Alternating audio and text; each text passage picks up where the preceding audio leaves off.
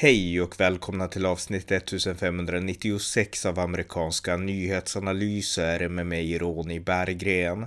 En podcast som ni gärna får stödja på swishnummer 070-30 28 95 0. Det här är del 5 i min serie om Richard Nixon och Watergate-skandalen. I detta avsnitt berättar jag om vad som hände med Nixon och hans män efter den förkortade tiden i Vita huset och samtalar därefter med journalisten Pelle Zackrisson om mediebilden av Richard Nixon. Varmt välkomna! Richard Nixon avgick alltså från presidentämbetet den 9 augusti 1974. Direkt därefter så flyttade han och hustrun Pat till sin bostad i St. Clement i Kalifornien och eh, till en början så höll de sig ju isolerade. De träffade knappt vänner och eh, Richard Nixons pressekreterare Ron Ziegler som följde med och arbetade för Nixon hemifrån.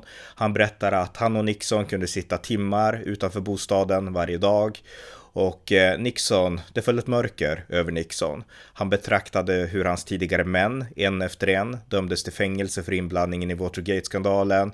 Han såg på tv hur Vietnam till slut, som han hade arbetat så hårt för, för att rädda från kommunismen, ändå föll för kommunismen till slut.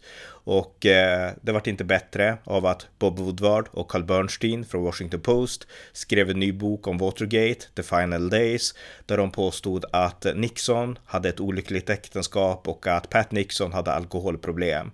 Och eh, i verkligheten så tyder allt på att det var djup sammanhållning i Nixon-familjen mellan både hustrun, maken och döttrarna. Och även om det fanns slitningar så rådde inga tvivel om att Richard Nixon älskade Pat Nixon överallt. Så att de blev väldigt besvikna såklart över den här familjen. Eh, Nixon hade visserligen blivit benådad 1974 av sin efterträdare Gerald Ford. Ford fick mycket kritik för det. Eh, han fick till och med kallas in på en hearing om varför han hade benådat Nixon, där han försvarade det beslutet. Men han tyckte att det var rätt, jag tycker också att det var rätt och i efterhand tycker de flesta bedömare att det var rätt av Ford att benåda Nixon för att nationen skulle kunna gå vidare och inte haka upp sig på det ena och det andra med rättegångar och, och så vidare. Så jag delar den synen att det var rätt att benåda Nixon. Men trots benådningen så var det en mörk tid. Nixon blev deprimerad och tänkte jag har ingen framtid. Men i december 1974, efter en tids sjukdom som han hade återhämtat sig ifrån, då började han ändå planera en comeback och han skrev i sin dagbok So be it, we'll see it through. Alltså vi kommer att ta oss igenom det här skriver han. Och att eh, det är en karaktärstest och se om vi lyckas och vi får inte misslyckas. Så där och då började Nixon planera sin återkomst som en statsman i amerikansk offentlighet. Eh, men det fanns de som försökte sätta sig käppar i hjulen och en av dem var Jimmy Carter Jimmy Carter var ju demokrat och 1976 så hade Jimmy Carter besegrat då Nixons efterträdare Gerald Ford i det presidentvalet. Och eh, när eh, Carter, Carter tog över så började han försöka sätta käppar i hjulen lite grann för Nixon. Han var i alla fall inte vänligt inställd till Nixon då.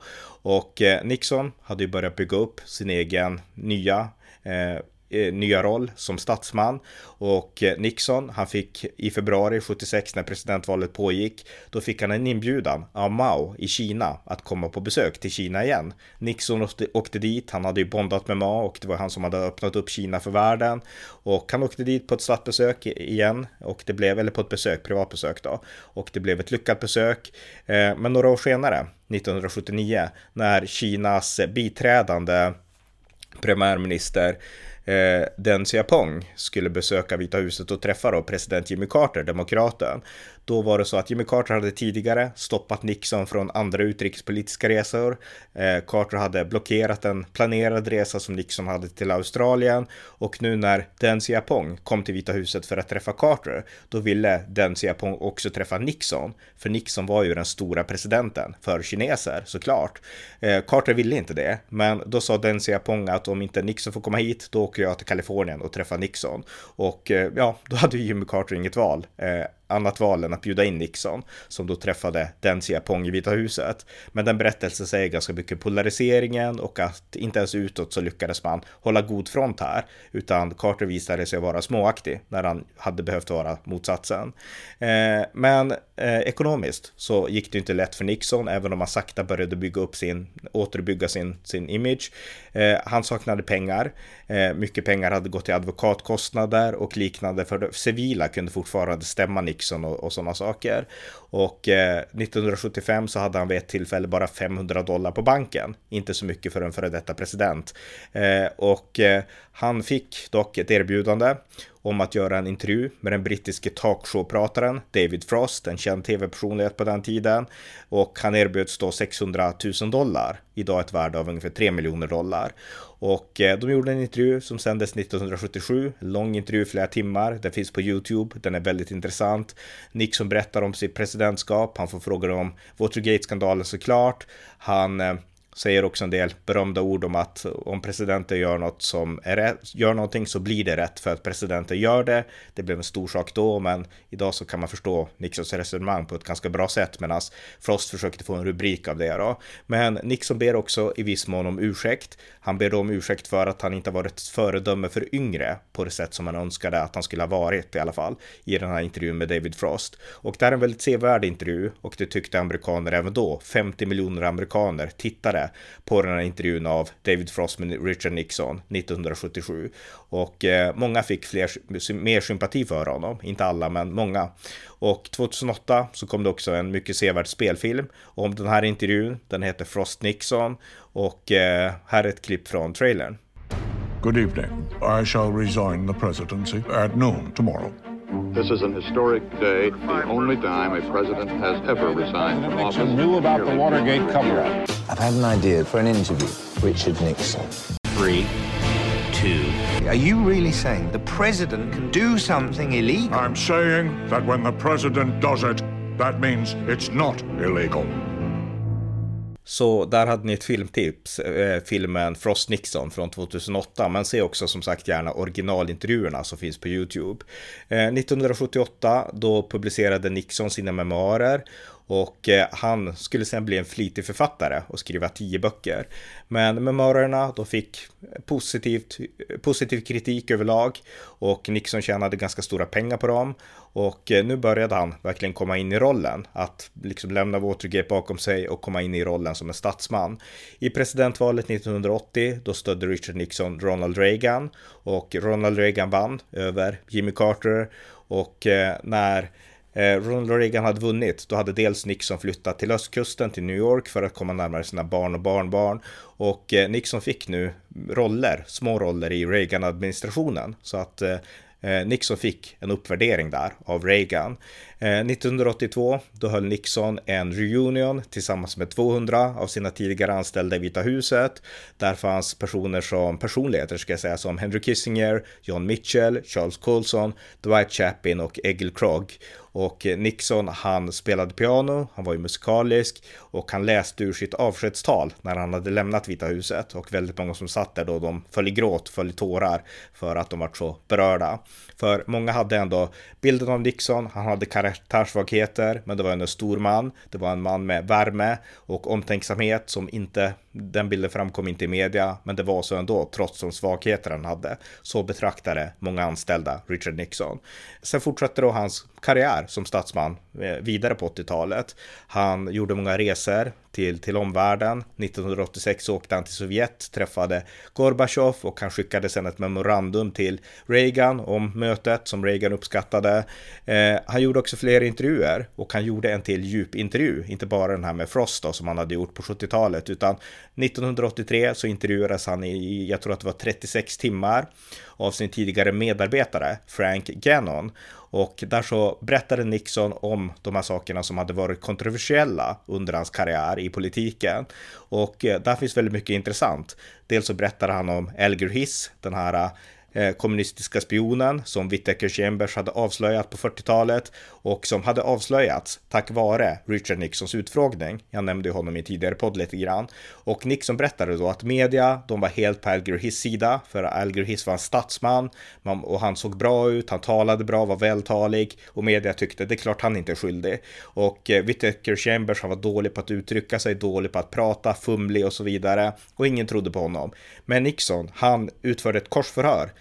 med Algeris där han frågade Algeris enskilt väldigt personliga saker.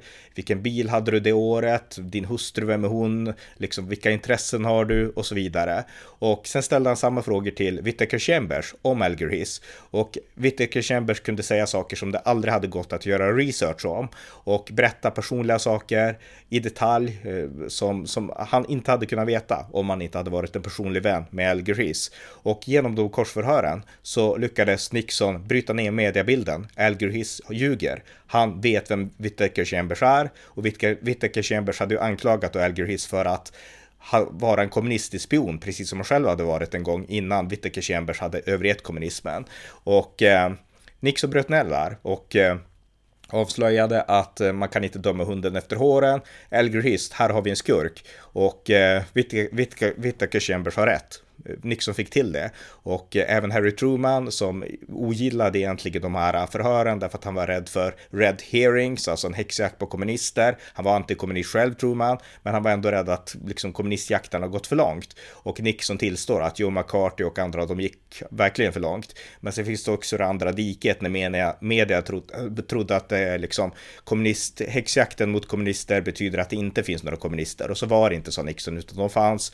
Alger Hiss var ett tydligt exempel exempel och det var helt rätt att göra som man gjorde mot honom. Eh, men det visar också att man ska inte döma hunden efter håren och att media ofta gör det, berättade Nixon.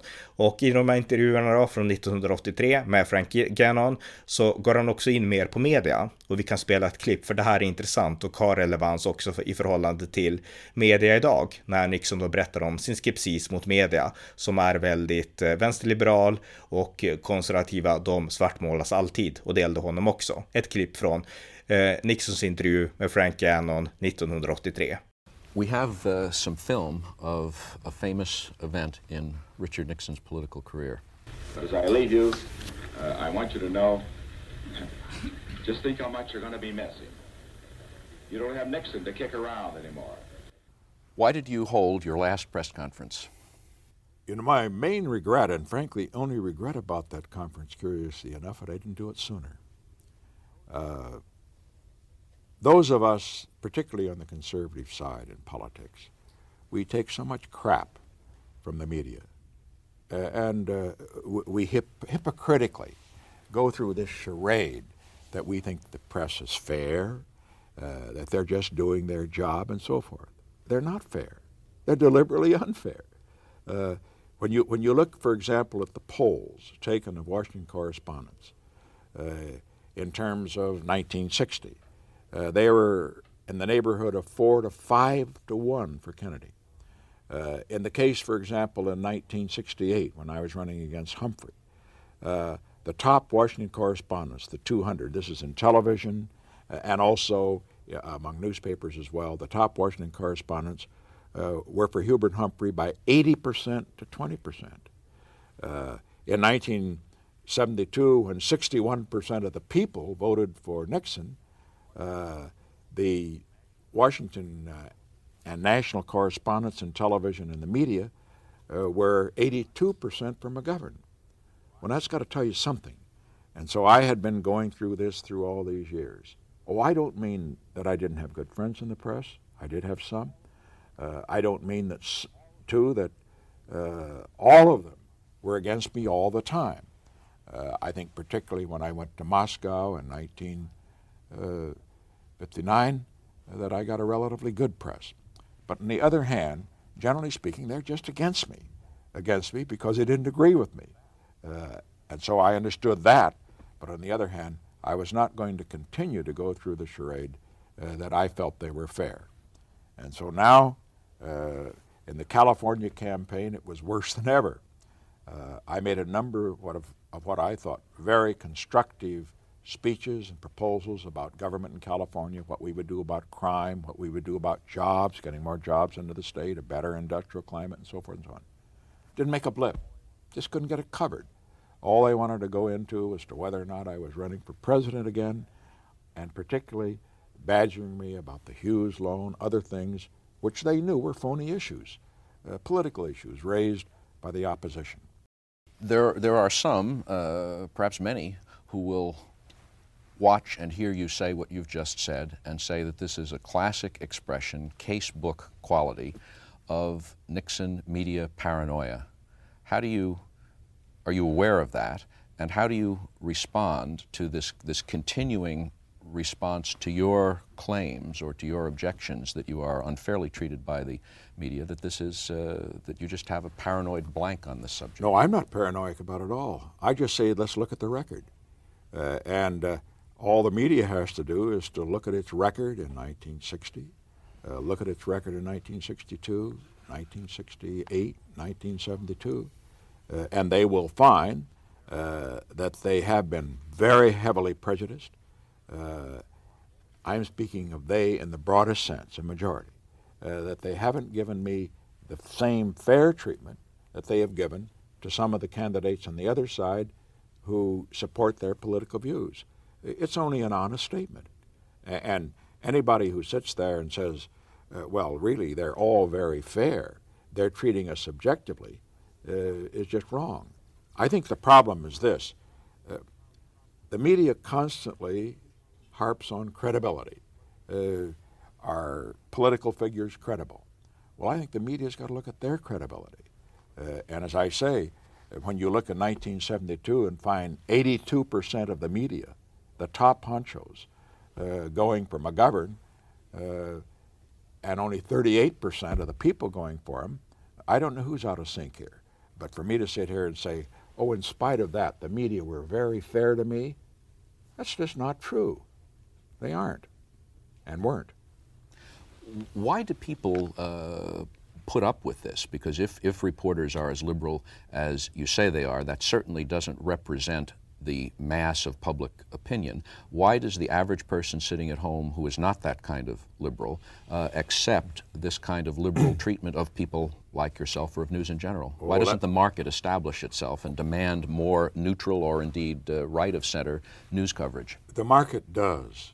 Uh, for example, my famous silent majority speech in 1969 proved that. The media was about 90% to bug out of Vietnam.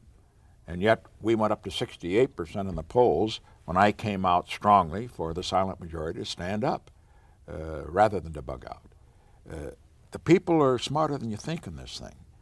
Uh, I think, too, though, let's look at politicians. Why don't politicians uh, speak up as far as the media is concerned? I mean, those that think they're getting a bad rap.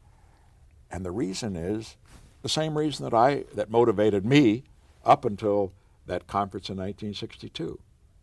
They got the whip hand.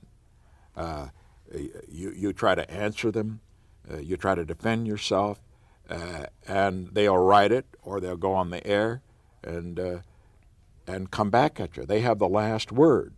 And so, under the circumstances, and this is where Herb Klein professionally was probably right uh, when he advised, well, there's no use to take them on uh, because they'll be even worse. Uh, that was his view.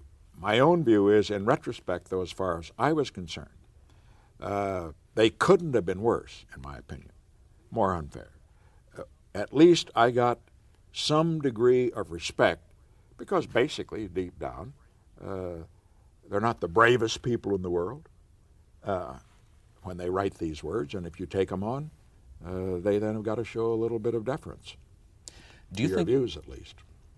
Do you think it's possible for a conservative uh, commentator or reporter or analyst to rise through the ranks of network news as it now exists, uh, which is another way of saying, I guess, do you think that there's any hope that the situation you've described as you see it will ever be changed? None at all. Uh, it's a fact of life. It's something that commentators uh, uh, have got to recognize as a fact of life. There is not a conservative commentator in the air today. There's nobody that I would even put in the center uh, at the present time. I don't mean by that that Howard K. Smith uh, was not a very responsible man. Uh, he's now off the air. John Chancellor at times can be very, very fair in the field of foreign policy and so forth. And I don't mean that they're all unfair all the time. I am saying that deep down, as the Rothman Lichter polls, and they basically are not conservatives, as they've all indicated, the overwhelming majority of the media feel that way. Let, let's look at the polls, for example, of the top media people in television and newspapers, in the year 1980. Reagan wins by a landslide. As far as those commentators were concerned, you know how they came out? Carter had over 50%, about 51%. You know who was second? John Anderson. Reagan ran a poor third. In other words, if the media was going to determine who was president, Jimmy Carter would be president today, and the country would be in a terrible shape. Now, my point is this it isn't going to change, but political leaders like Ronald Reagan, uh, who can fight against this thing effectively and go over the heads of the media, uh, are the only hope uh, to appeal to that silent majority that is still out there. Det var Richard Nixons analys av media 1983 och jag tyckte att klippet var värt att spela ett ganska långt stycke av därför att eh, Nixon är klockren i sin analys. Det han beskrev där, det var situationen då. Sen skulle det under Reagans presidentskap komma eh, konservativ talk radio, det skulle komma konservativa tidningar. På 90-talet så skapades Fox News och eh, Fox News har växt, internet kom och Fox News är idag större än sina liberala konkurrenter. Sociala medier och internet har gjort att politiker som som Donald Trump kan nå direkt till det amerikanska folket utan att behöva filtreras och få sina ord tvistade på samma sätt som media tvistade Richard Nixon när man då försöker nå ut till det amerikanska folket. Så att tekniken har ju gett konservativa frihet och möjligheter på ett sätt som inte fanns när Nixon var aktiv som politiker. Men det han sa var ändå väldigt intressant så att jag ville verkligen att ni skulle få höra det från Nixon.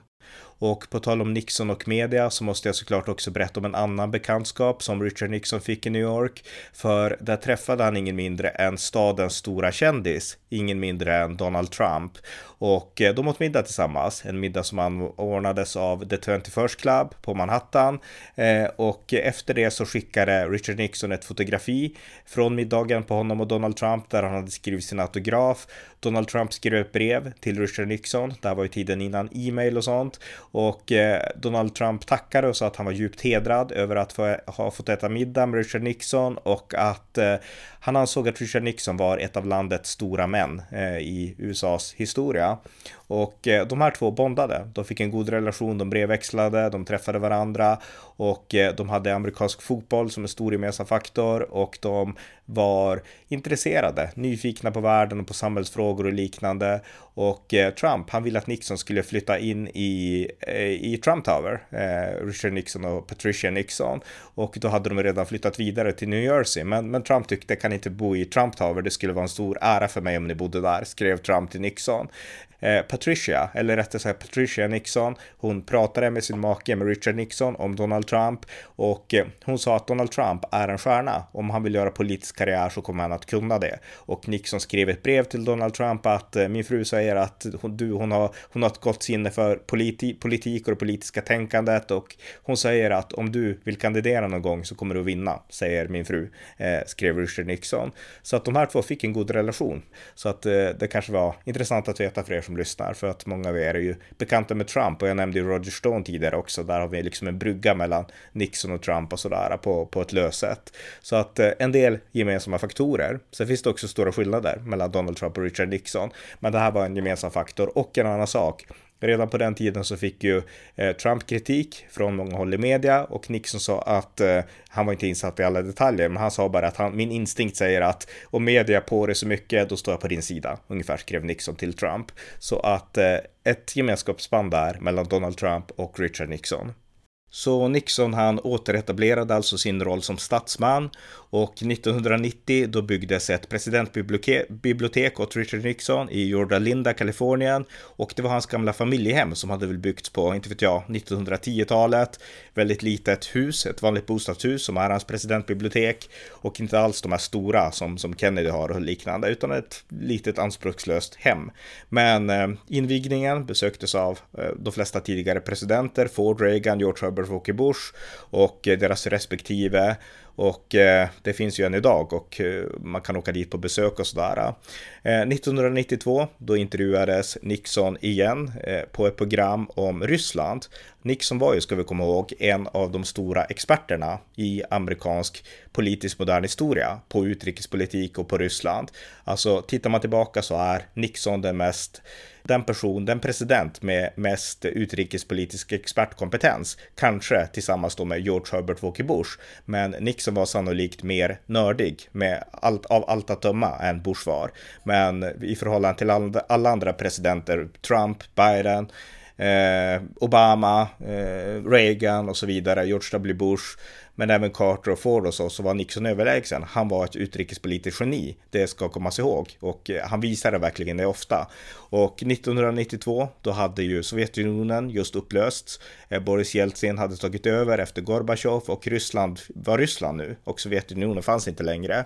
Och nu handlade det om hur man skulle balansera det här rätt så att Ryssland inte skulle återfalla till spåren av totalitarism. Och Nixon sa så här i intervjun 1992. Well, Russia at the present time is at a crossroads. Uh, it is often said that the, the Cold War is over and that the uh, West has won it. That's only half true. Uh, because what has happened is that the communists have been defeated, uh, but the ideas of freedom now are on trial. If they don't work, there there will be a reversion to not communism, which has failed, but what I call a new despotism, which would pose a mortal danger uh, to the rest of the world because it would have be infected with the virus of Russian imperialism, which of course has been a characteristic of Russian foreign policy for centuries. We begin with that. Therefore, the West has, the United States has, all those who want peace and freedom in the world, a great stake in freedom succeeding in Russia. If it succeeds, it will be an example for others to follow. It will be an example for China, for example, to follow uh, for the other communist states, the few that remain. If it fails, it means that the hardliners in China will get a new life. They will say it failed there, there's no reason for us to turn to democracy. That's part of what is at stake here. Uh, how could we have been so easily misled about Gorbachev's real weaknesses, which you seem to perceive very early on and warned about, and Yeltsin's strength, which very few people picked up on in time? It's the tendency among many of those in the foreign policy establishment, of which you were a member, incidentally, uh, to uh, emphasize style, uh, to be impressed by style more than substance. Gorbachev had style. He was smooth. Uh, he had an elegant wife. Uh, and incidentally, he did some positive things. He did open up uh, the Soviet Union. Yeltsin made I mean, Gorbachev made Yeltsin possible. But looking at the two men, they both began the same. They were both born as peasants. Uh, Gorbachev became a man of the world. Yeltsin remained a man of the people. They were different in another respect. Yeltsin has repudiated both communism and socialism. Gorbachev would not do so. Uh, and many of the observers didn't see that. The reason Gorbachev failed was that he sincerely believed in the communist idea, right to the present day, if you follow his uh, column, recent column in the New York Times, and that he sincerely believed that the Soviet empire should remain intact. It was those beliefs that brought him down. Yeltsin, on the other hand, is one who is, believes in democracy, believes in free markets, and that's why we should put our chips on him at this time. Det var ett klipp från en intervju gjord av Richard Allen på Inside Washington 1992. Och det här tycker jag var intressant för det har ju relevans till vår tid när Ryssland har återfallit till imperialism. Sådana som Nixon, det var män som förstod utrikespolitik. Det här klippet visar tydligt det. Och eh, han var en person som också eh, uppskattades av framtida politiker som frågade Nixon om råd om utrikespolitik. Och Bill Clinton var en sån som bad Nixon specifikt om råd om hur man skulle hantera Ryssland. Eh, 1993, då dör Pat Nixon, Richard Nixons hustru, i lungcancer. Eh, Richard Nixon, han följer djup sorg. Och bara ett år senare, eh, i april 1994, då dör Richard Nixon själv i en stroke. Och på begravningen lite senare så var det ett enormt pådrag. Eh, alla tidigare presidenter och Bill Clinton, den sittande presidenten, var där. Och eh, många idag kända personer, de intervjuades av media. John Kasich, från, kongressmannen från Ohio, han eh, berättade om hur han som ung man, ung student 1970, hade skrivit ett brev till Nixon och eh, han fick då några veckor senare ett svar och en inbjudan till Vita huset. Så att han fick som ung träffa Nixon i 25 minuter i ovala rummet och det tände gnistan för hans egen politiska karriär och John Kasich är ju ganska känd idag. Han, han kandiderade som republikansk presidentkandidat 2016 och liknande. Men han inspirerades av Richard Nixon. Eh, på begravningen då så höll Billy Graham predikan, begravningsceremonin och eh, en rad kända personer pratade, talade. Eh, en av dem, det var Kaliforniens tidigare, eller Kaliforniens guvernör Pete Wilson. Och eh, Pete Wilson sa något intressant. Han sa att en av Nixons stora egenskaper som visade att han satte nationen först, det var att han inte överklagade valresultatet 1960, när väldigt många var ense om att eh, John F Kennedy och hans pappa hade fuskat via Chicagos borgmästare, Daley tror jag han hette. Och eh, att på så vis så hade Kennedy vunnit presidentvalet. Och Nixon han, han vägrade att, eh, att överklaga. Och det har ju viss relevans då därför att vi har en annan president, Donald Trump, som har gjort allt för att överklaga. Men vi spelar det klippet. Det här är Kaliforniens guvernör Pete Wilson på Richard Nixons begravning 19, 1994. The world will remember Richard Nixon, rightly, as a fighter of iron will. But the greatness of a man can sometimes be best measured by the times and the reasons that he chooses not to fight. After the 1960 election, many urged Richard Nixon to contest one of the closest and most controversial elections in American history. But Richard Nixon said no. He would not go to court. He refused to fight, and he urged others not to on his behalf. He would relinquish the prize that was his life's ambition. Why? For a simple, but these days remarkable reason. It was because he so loved his country that he refused to risk its being torn apart by the constitutional crisis that might ensue. Den sittande presidenten Bill Clinton, han talade också på Nixons begravning och han sa så här. He came to the presidency at a time in our history when Americans were tempted to say we had had enough of the world. Instead, he knew we had to reach out to old friends and old enemies alike. He would not allow America to quit the world. Remarkably, he wrote nine of his ten books after he left the presidency, working his way back into the arena he so loved by writing and thinking and engaging us in his dialogue. For the past year, even in the final weeks of his life, he gave me his wise counsel, especially with regard to Russia. One thing in particular left a profound impression on me. Though this man was in his ninth decade, he had an incredibly sharp and vigorous and rigorous mind. As a public man, he always seemed to believe the greatest sin was remaining passive in the face of challenges, and he never stopped living by that creed.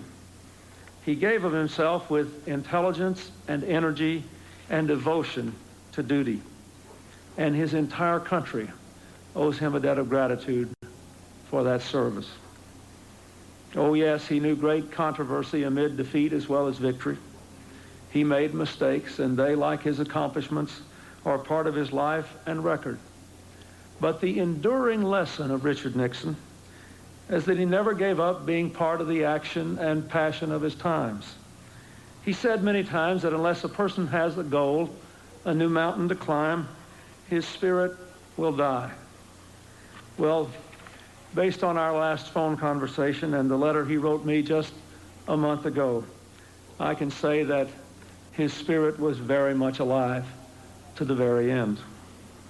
That is a great tribute to him, to his wonderful wife, Pat, to his children and to his grandchildren, whose love he so depended on and whose love he returned in full measure.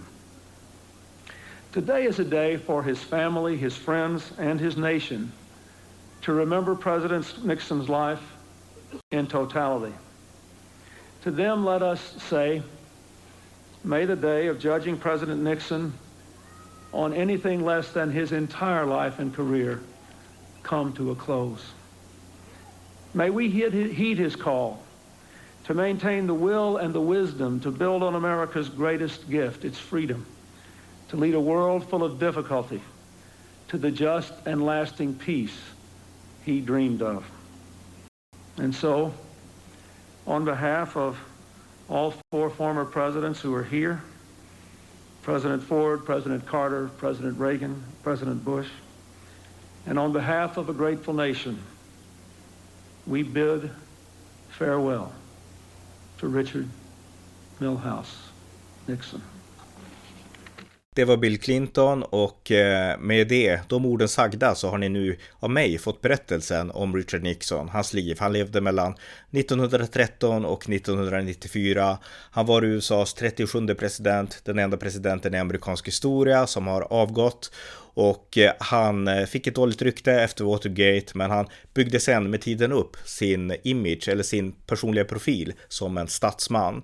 Och eh, det var så här också att han fick, hans barnbarn, hans barnbarn Christopher Nixon Cox, son till Nixons äldsta dotter Tricia, han föddes 1979, bor i New York och 2010 så försökte han komma in som i kongressen på New Yorks första, i New Yorks första valdistrikt. Och eh, jag minns att jag läste och följde det väldigt noga. Han förlorade i primärvalet och jag tror inte att han har gjort någon vidare politisk karriär, men det var ändå intressant att en möjlig, alltså att en möjlig Nixon-dynasti hade haft potential att resa sig.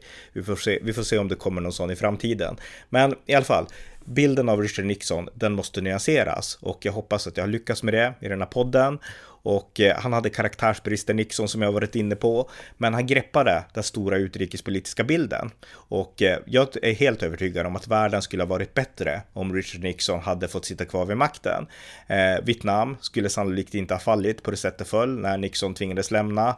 Eh, och han hade också, jag menar han hade svagheter helt uppenbart Richard Nixon. Men det var också så att vänstern, likt blodiglar, så tog de varje tillfälle i akt att skada utifrån sina egna, ibland småaktiga skäl. Och de hade sällan de här stora perspektiven framför sig som Nixon hade. Och det kan jag tycka är synd. Och den här nyanseringen av Nixon, som jag ändå vill bidra till på ett eh, balanserat sätt, den behövs, anser jag. Men här har ni fått berättelsen om Richard Nixon, hans liv, hans karriär. Nu ska jag berätta historien om vad som hände med Richard Nixons män, för alla presidentens män är också rätt intressanta. Så låt mig då ägna några minuter åt att prata om alla presidentens män. Och de här männen är ju viktiga i Watergate-intrigerna och skandalerna. För faktum är att eh, vi vet att Nixons män kände till mycket om Watergate. Men Nixon så vet vi faktiskt inte hur mycket han kände till och sannolikt inte lika mycket som media försökte få det till där och då. Eh, han beskyddades av sina män och eh, den allra närmaste av de män han hade som arbetade för honom, det var H.R. Holdeman, Bob Holdeman, Richard Nixons stabschef. De hade kommit in och mött varandra på 50-talet och eh, H.R. Holdeman hade arbetat för Nixon sedan 1956 och eh, han blev väldigt snabbt Nixons mest förtrogna. Och eh, den nidbild som sen skapades efter Watergate av Holderman, därför att Holderman dömdes till om det var 18 månaders fängelse för att ha varit med i cover-upen i Watergate. Eh, så nidbilden av honom av Holderman, det är just den här mörkermannen som liksom är skuggan bakom president Nixon. Man hade ju samma nidbilder av Dick Cheney i förhållande till George W. Bush och sådär. Och eh, Holdeman Holderman var liksom han fick också rollen i media som den här eh, mörkermannen. Sanningen är mycket mer nyanserad utifrån alla bedömningar jag kan göra. Och eh, Holderman, han var dels, eh, det här erkänner egentligen alla, extremt duktig på att organisera, styra upp kontrollen över hur Vita huset skulle fungera och eh, eh H.R. Holderman är den moderna stabschefen i Vita husets fader. Alltså han skapade den form av organisation av Vita huset som har gällt sedan hans tid på 70-talet under oavsett om det är demokrater eller republikaner och som gäller än idag. Så att den moderna stabschefens fader är Nixons stabschef H.R. Haldeman. Han var också djupt intellektuell, hade en förmåga att kunna resonera på ett sakligt sätt, vilket alla, eh, inklusive journalister, inte alltid kan. Och eh, 1975 eh, i samband med att han skulle dömas till, till Watergate så intervjuades han på CBS News av Mike Wallace, pappa till Chris Wallace som är ganska känd idag. Och eh, där pratade Holderman om Watergate-skandalen, han pratade om sin syn på media och han pratade om deep throat och liknande. Och eh, låt mig spela ett klipp här, därför att jag har ju nämnt Holderman i den här podden genomgående så här på sidan om lite grann. Djupstuderar man Nixon då går det inte att bara läsa om honom som ett sidospår utan då får man sätta sig in i honom lite mer också. Så att eh, istället för att det bara ska bli ett namn som svävar förbi så här är ett klipp när han intervjuades på CBS News av Mike Wallace 1975. Nixons stabschef H.R. Holdeman. Press and government are normally adversaries, but with the Nixon administration, adversaries were called enemies. And we were curious to hear Mr. Haldeman's comments about that relationship. Bill Sapphire says Haldeman's detestation of the press ran nearly as deep as Nixon's. And Richard Nixon is quoted over and over again as saying, the press is the enemy. A, a realistic recognition of an adversary relationship is different than detestation. And his uh, point in uh, uh, his frequently repeated phrase that the press is the enemy was a point made to staff, cabinet, associates, uh, to try and have them understand that the press is on the other side and that the press is not going to cooperate with you. Their mission is, is different than your mission, and you must recognize it as that, and you must deal with it that way.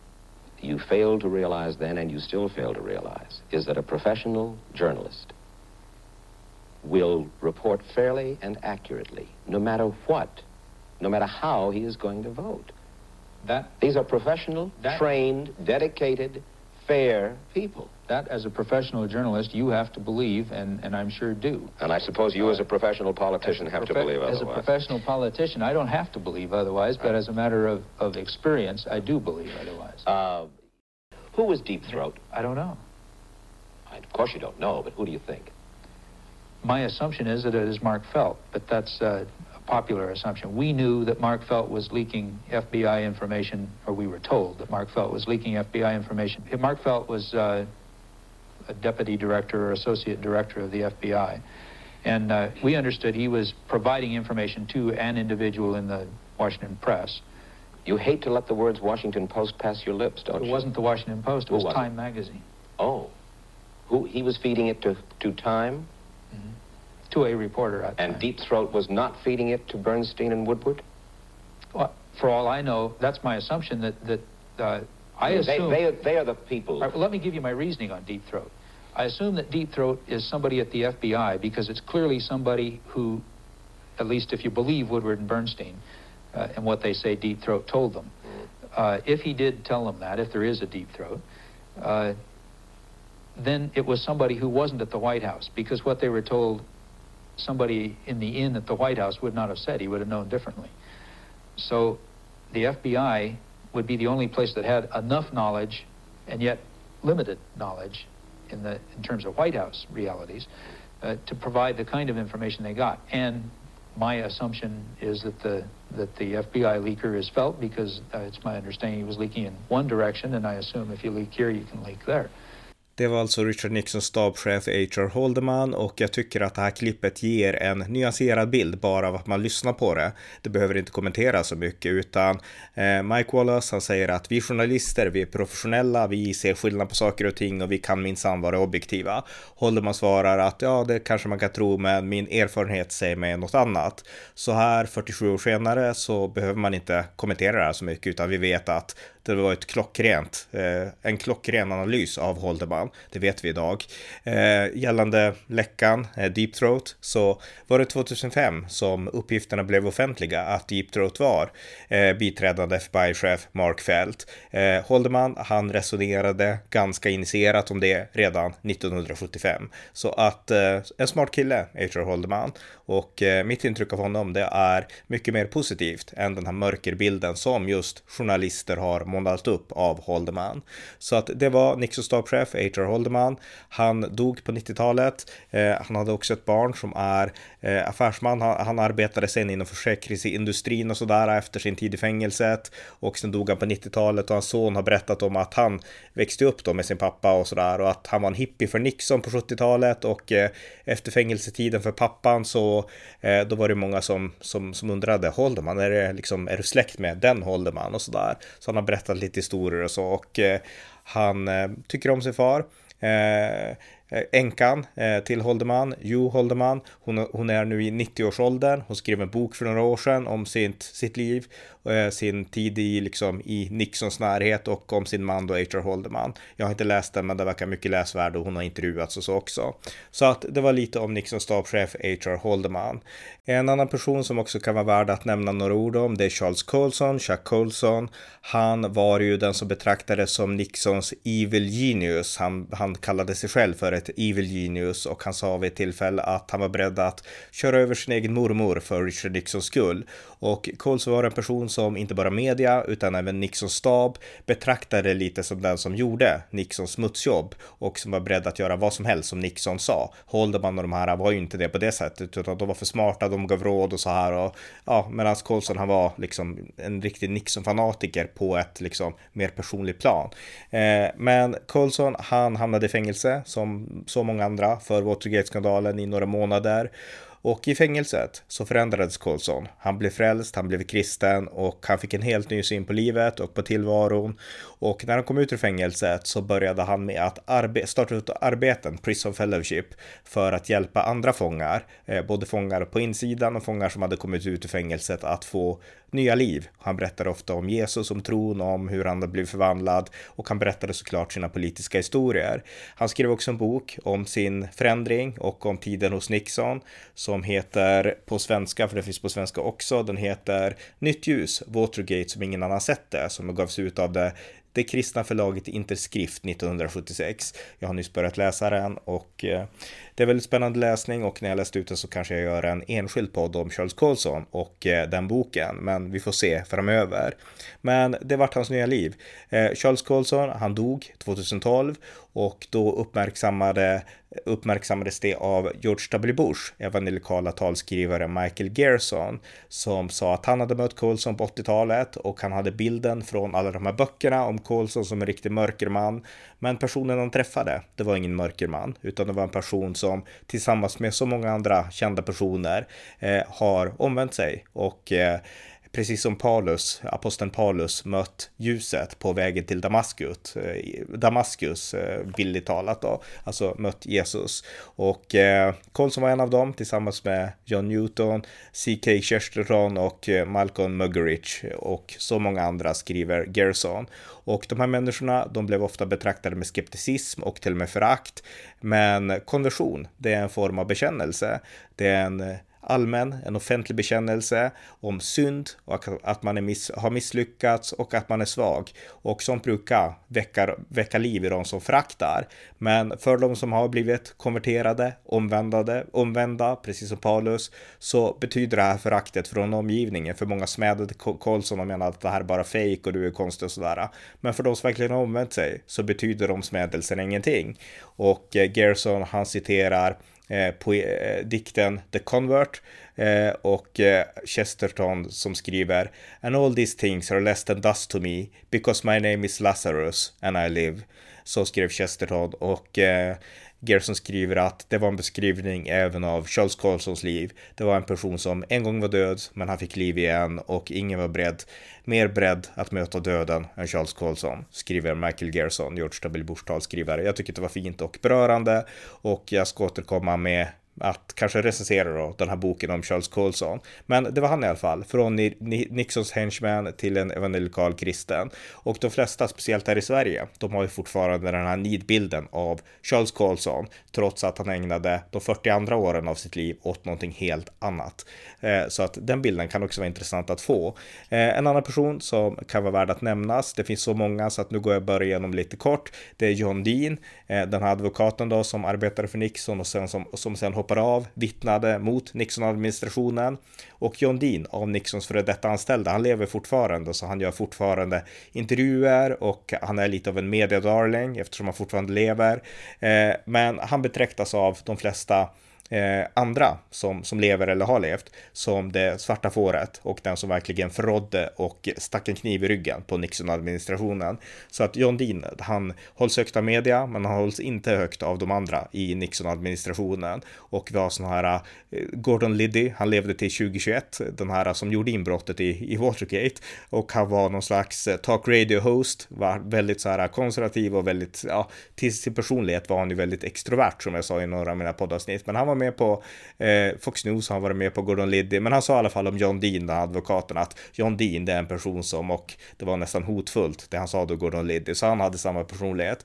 De flesta andra, de har såklart släppt det som hände, men de anser utan tvekan att det är John Dean som bär skulden, han är förrådaren och sådär. Eh, Gordon Liddy, han pratar om att det där är Judas Iskariot och så långt gick inte Holderman och de andra, men alla menar egentligen att John Dean, han bär skulden för det som hände. Att Eh, Eh, ja, Nixon-administrationen föll och med, de flesta menar att det var på orätta grunder därför att mycket av det här var isolerat. Nixon visste inte lika mycket och visst det fanns en cover-up men Eh, det vart för mycket. Det vart verkligen en höna av en fjäder, menar många inom Nixon-administrationen då. Så att, eh, men John Dean lever fortfarande. En annan person som lever, det är Jeb Magruder som var biträdande chef tror jag, eller vart chef efter John Mitchell för Committee to Re-elect the President, CREEP, ni har lärt er namnet nu. Han lever också fortfarande. Jag tror att han är i 90-årsåldern och han har också skrivit och eh, han var ju den som berättade om eh, eh inspelningssystemet då, men han eh, han har varma ord att säga om Nixon. Trots svagheterna så betonar han alltid att eh, Nixon var en, ja, hade verkligen bra sidor. Och han är också vän med, med Bob Woodward ska jag säga. Och det tror jag inte tillhör vanligheterna. Men de är vänner idag. Tiden läker alla sår och eh, Gemma Gruder har gett många av sina dokument till Bob Woodward ska sägas. En annan person som är intressant för att han också leder, lever idag, det är Dwight Chapin. Han har nyss skrivit en bok, han är 80 år gammal, han var rätt ung, men han arbetar också i Nixon-administrationen och han lovordar, han arbetade åt Bob Holderman, han lovordar Bob Holderman och säger att mediebilden av Bob Holderman är helt fel. Det var en fantastisk person, stark personlighet och en person med djup karaktär. Och han säger samma sak om Nixon. Det råder de här mörka bilderna av Nixon, han hade ju svagheter, men Nixon var en varm person som brydde sig om människor och det måste komma ut. Och eh, de här bilderna som finns av Nixon idag, där man antingen tänker på Watergate eller på Kina, det är liksom Liksom Nixon var så mycket mer än så. Och eh, Dwight Chapin skriver att jag vill liksom lämna efter det så här 50 år senare och skriva om det och berätta om det inför för eftervärlden. Så att han har kommit ut med en ny bok, Dwight Chapin, och han har intervjuats av Newt Gingrich och många andra också ganska nyligen ska sägas. Eh, så att det var några av de här karaktärerna. Eh, Bob Woodward och Carl Bernstein, de lever fortfarande, de är i åttaårsåldern och eh, de, deras karriärer fick ju ett eh, en enorm skjuts framåt av deras Watergate-avslöjanden. Så att de har ju haft väldigt framgångsrika karriärer. Bob Woodward, han skriver många böcker om olika administrationer och jag har läst några stycken. Eh, jag fick ju upp ögonen för honom under George W. Bush era när han skrev böcker om Bush och jag tyckte att de böckerna var dåliga. Eh, jag minns om den hette The Plan eller någonting. Jag minns inte någon bok som kom, kom där kring 2004 där jag inte alls höll med om Bob Woodwards sätt att analysera jag tyckte att det här, han förstår inte riktigt, han greppar inte på riktigt. Det var så jag kände när jag läste den och, eh, och sådär. Och han ska alltid ifrågasätta liksom motiven och så här på ett sätt som gör det, han går för långt, kände jag i alla fall då. Och eh, han var ju en darling bland demokrater för att han kritiserade, han hade ju fällt Nixon då, det var bilden och han kritiserade Bush och demokraterna älskade honom. Sen när Barack Obama fick makten, då skrev han ju kritiska böcker om Obama också och då tvärvände demokraterna och Vita huset. Jag minns det mycket väl, jag skrev många inlägg på amerikanska nyhetsanalyser om det här under åren då och då blev Vita huset pressekreterare, han blev bara en bok på Woodward Woodward, han vet inte vad han pratar om och liknande, för då var det ju Obama han angrep, då angrep han fel president. Så att eh, min analys av Woodward är att han fick förmodligen ett, eh, visserligen ett välförtjänt gott rykte efter Watergate, det är inget snack om att de gjorde ett enormt jobb, Woodward och Bernstein, men han vart också lite för överhypad och eh, han har varit en eh, älskling, en darling bland liksom det demokratiska etablissemanget under lång tid och i viss mån är han det fortfarande. Men Woodward verkar ju vilja slå åt alla håll. Det, det verkar han ändå vilja göra liksom. Liksom. Och eh, när demokraterna tycker att han slår mot dem, då gillar de honom inte. Så att eh, analysen av Woodward är enkel. Ibland så säger han kanske saker som, han får mycket rätt utan tvekan, men ibland så får han mycket fel också. Han lever mycket på sin stjärnglans och eh, eh, när det ändå visar sig att till och med Demokraterna slår bakut ibland, då kanske man kanske ska ha med det i bilden så att man inte sätter upp Bob Woodward på någon så här superpedestal. Därför att desto mer man läser om Watergate och Nixon och sådär så var Woodward, precis som jag sa tidigare, en mycket smart, skicklig journalist, men likväl en som mest nystade utifrån. All den här insiderinformationen, den det var inte han som grävde fram det, eller Carl Bernstein. Så att, eh, men de lever i alla fall idag, de är med i media ofta och eh, Bob Woodward i synnerhet, han har ju gjort karriär på liksom att han är den stora Nixon och Watergate-experten i, i mångt och mycket, i media i alla fall. Så att eh, det är hans karriär. Det går att berätta om väldigt många andra av de här karaktärerna, men eh, det behövs nog inte, utan det här var lite kort om några av de viktigare personerna i liksom Watergate-historien. Och nu följer det här ett samtal med journalisten Pelle Zackrisson. Pelle Zackrisson, välkommen. Tackar. Du har ju lyssnat på den här serien som jag har gjort om Richard Nixon och Watergate och eh, jag är nyfiken på vad du tyckte om den. Ja, eh, jag tycker att den har varit en väldigt bra genomgång. Man har fått lära sig hela historien och dessutom bakgrunden med eh, Richard Nixons uppväxt och vad det är som har vad det var som präglade honom och kanske fick honom att ta en del av de här ödesdigra besluten och göra de här misstagen. Eh, han, han syltade ju liksom in sig all, allt mer, mer och mer eh, istället för att kanske avsluta eh, på ett tidigt stadium då. Så att det, det, var, det är en sån här sak som jag tycker serien har eh, eh lyckats med och sen också har den eh, satt fingret på någonting som inte är så känt i Sverige kanske. Det är Nixons eh, stora utrikespolitiska framgångar med att man öppnade mot, eh, mot Kina och att han, att han eh, faktiskt var politiskt eh, på många sätt skicklig då. Eh, och, och sen som journalist, den sista grejen som journalist, för mig blev det en påminnelse om Bob Woodward som, och att den politiska journalistiken, moderna, den moderna politiska journalistiken föddes i, liksom i samband med Watergate och Bob Woodward då som skrev boken Alla presidentens män tillsammans med Carl eh, Bernstein. Eh, Bob Woodward eh, blev på något sätt den här eh, centralfiguren och centralgestalten, den stora journalistiska hjälten eh, som slog igenom med Watergate och eh, har funnits med, han är fortfarande aktiv, han är 79 år gammal idag och Eh, har skrivit eh, fyra böcker om eh, din favoritpresident bland annat och George W Bush och är känd för att, eller ökänd för att skriva böcker som är supernördiga ner på ex, med extrema detaljer men också någonting som började med den här boken, eller med Alla presidentens män, att man använder sig av väldigt mycket anonyma källor. som man har då fått både kritik för men också som skapar ett visst sätt att berätta storiesarna. Men då måste jag bolla tillbaka en fråga till dig som ändå är journalist och som är, jag menar vi är kring 40 både du och jag, mm. betydligt yngre än Woodward. Eh, när det här hände i USA, då var det verkligen Woodward och, Woodward och Bernstein väldigt, de inspirerade en helt ny generation journalister. Men de är alla mycket äldre än oss och, och vi bor i Sverige. Men alltså när du gick journalistutbildningen och så, alltså pratade man någon gång om Woodward och Bernstein? Ja, lite fragmentariskt. Jag vet att alla presidentens män fanns med på vår referenslista och jag köpte ju boken. Eh, och jag vet inte hur många av mina klasskamrater som gjorde det, men, men jag, jag köpte alla presidentens män. Och eh, den är, det är en väldigt tunn bok och, mm. och väldigt lätt att läsa.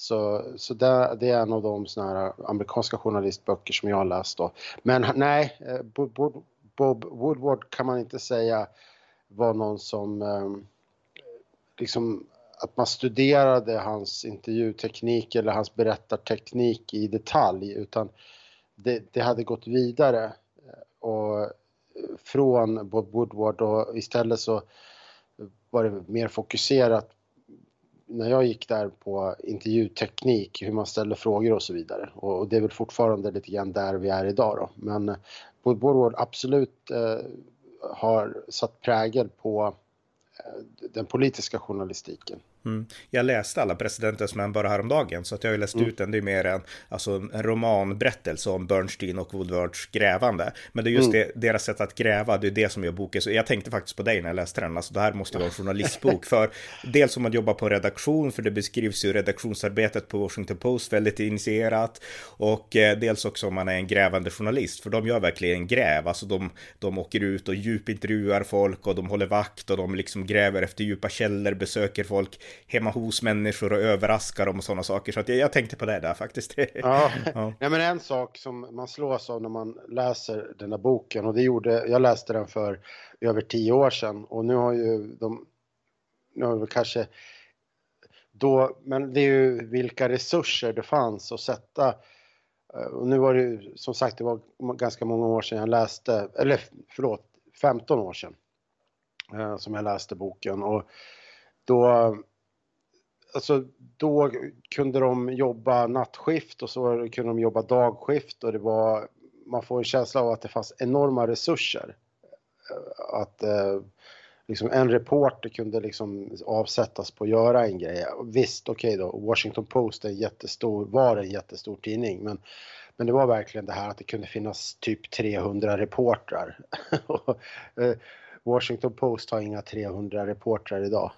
Nej, nej exakt. Men alltså också när man läser boken, det som är intressant med de här två, det är, jag, har ju, jag är ju lite kritisk också till Woodward och Bernstein, men det är att de, de var ju unga, de var båda kring, ja, strax under 30-20-årsåldern någon gång, och de var ju väldigt brinnande, de tyckte att allt var spännande, det var ett stort äventyr, och det märker man när man läser boken, mm. alltså det här är en ganska ung, nyexaminerad, eller ny journalist i alla fall, Woodward hade ju bara jobbat nio månader på Washington Post, och eh, det man märker det är att det här är ungdomar, det, man märker det när man läser, med både de styrkor, entusiasmen och liksom att vilja hitta stora saker i liksom första bästa halmstrå. Jag vet inte om du känner igen dig i det.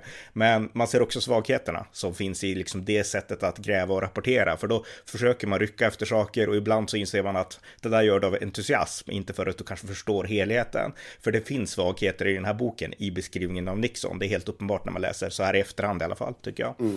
Får jag bara ställa mm. en, en, fråga här?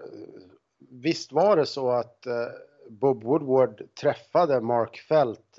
När, de hade träffat på varandra tidigare i, när Bob Woodward hade gjort någon militärtjänstgöring eller något liknande. Ja, eh, exakt. Och Mark Felt var ju Deep Throat, alltså den här källan som, som gav feedad information från insidan till Woodward. Och det var ju hans, eh, hans feedande av information som gjorde Washington Post-artiklar så viktiga, för de kom verkligen nära det som hände. Men ja, de hade träffats i ett tidigare skede i samband med Exakt, något, något sånt som hade med militärtjänst att göra. Ett kort möte, men de bondade där och eh, Woodward fick Mark Felts telefonnummer. Och sen när det här Watergate började så ringde han Mark Felt. Och det var väl det som gjorde att Mark Felt kände att nu ska jag läcka information. Men eh, under hemlig identitet då, Deep Throat.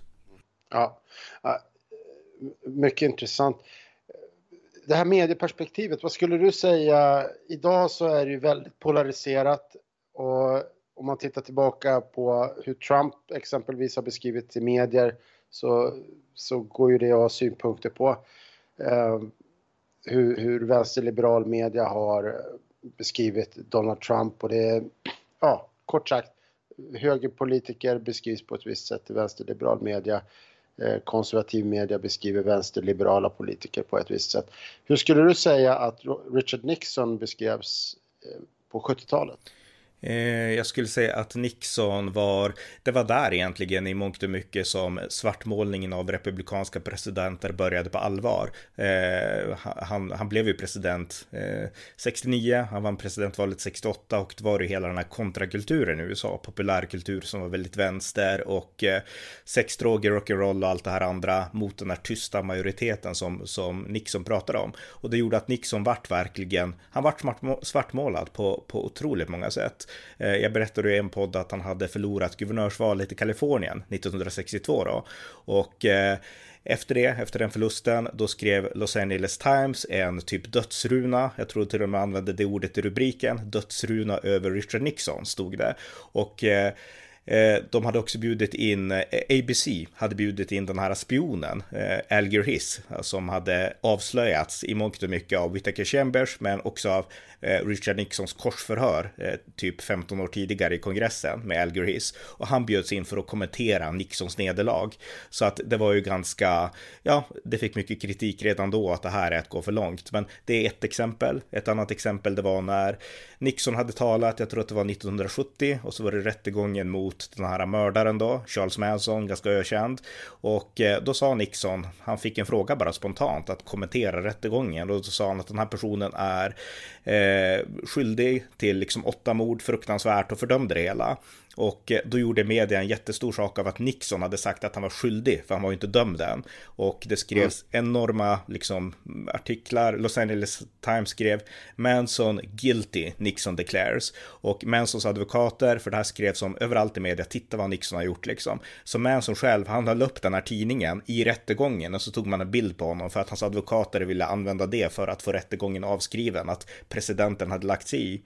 Och det här var också ett exempel på när media gjorde någonting som de aldrig skulle ha gjort mot Kennedy eller liksom någon annan som var mer liberal. Så att eh, de blåste upp en sak så de visste att det här var en enkel felsägning. Det var liksom inte det presidenten menade att lägga sig i rättegången, för det var det ju inte helt uppenbart för alla. Så att det är också ett exempel. Så att det finns många sådana här exempel och det här gjorde ju att Eh, Nixon själv började förakta media väldigt mycket. Och han pratade om att the press is the enemy, pratade han om. Ungefär samma som Trump, Trump pratade om. Och eh, Nixon hade rätt, för media var väldigt vinklade mot honom. Och det födde mörkare sidor i honom också tyvärr då, utan tvekan. Men eh, det var inte så att media var objektiva. De trodde det, men de var inte det.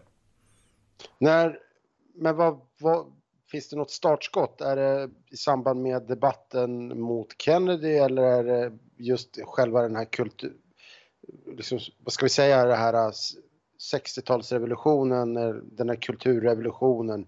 Jag vet inte, det är ju inte den kinesiska kulturrevolutionen men, men är det den här äh, populärkulturrevolutionen i USA, är det det, finns det något startskott från när, när det här har börjat vända? Eh, nej, jag har inget exakt startskott sådär. Det kanske finns, men det kan jag inte, utan eh, jag har läst de här enskilda exemplen bara. Men, men jag tror att det, det började nog med, alltså Vietnamkriget var ju katalysator såklart och där riktades ju även mot, mot Johnson. Men annars var det nog ganska mycket hela den här droger, rock'n'roll-grejen, där då Nixon stod på en andra sida. Och det, det för mig in till parates som man kan berätta lite kort bara. Nixon hade ju ett ganska intressant förhållande till, till rockstjärnorna. 1970 när han var relativt ny som president så fick han besök av Elvis Presley, Richard Nixon i Vita huset. Eh, Presley hade varit ute på någon slags, det här var ju när Presley var ganska mycket på nedgång 1970.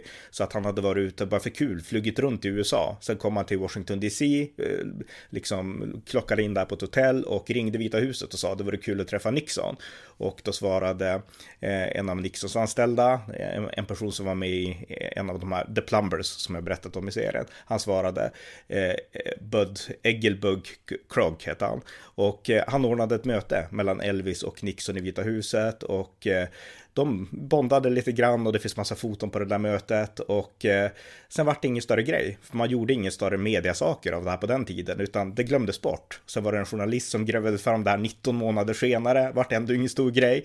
Sen när Elvis var död, han dog ju bara något år därefter och när Nixon var sedan länge utsparkad, då vart det en stor sak av saken kring 1988. Eh, därför att då insåg man att det finns ett kort, ett foto som alla vill ha från National Archives och det är fotot på Nixon och Elvis. Och eh, det är det mest efterfrågade fotot i hela National Archives historia.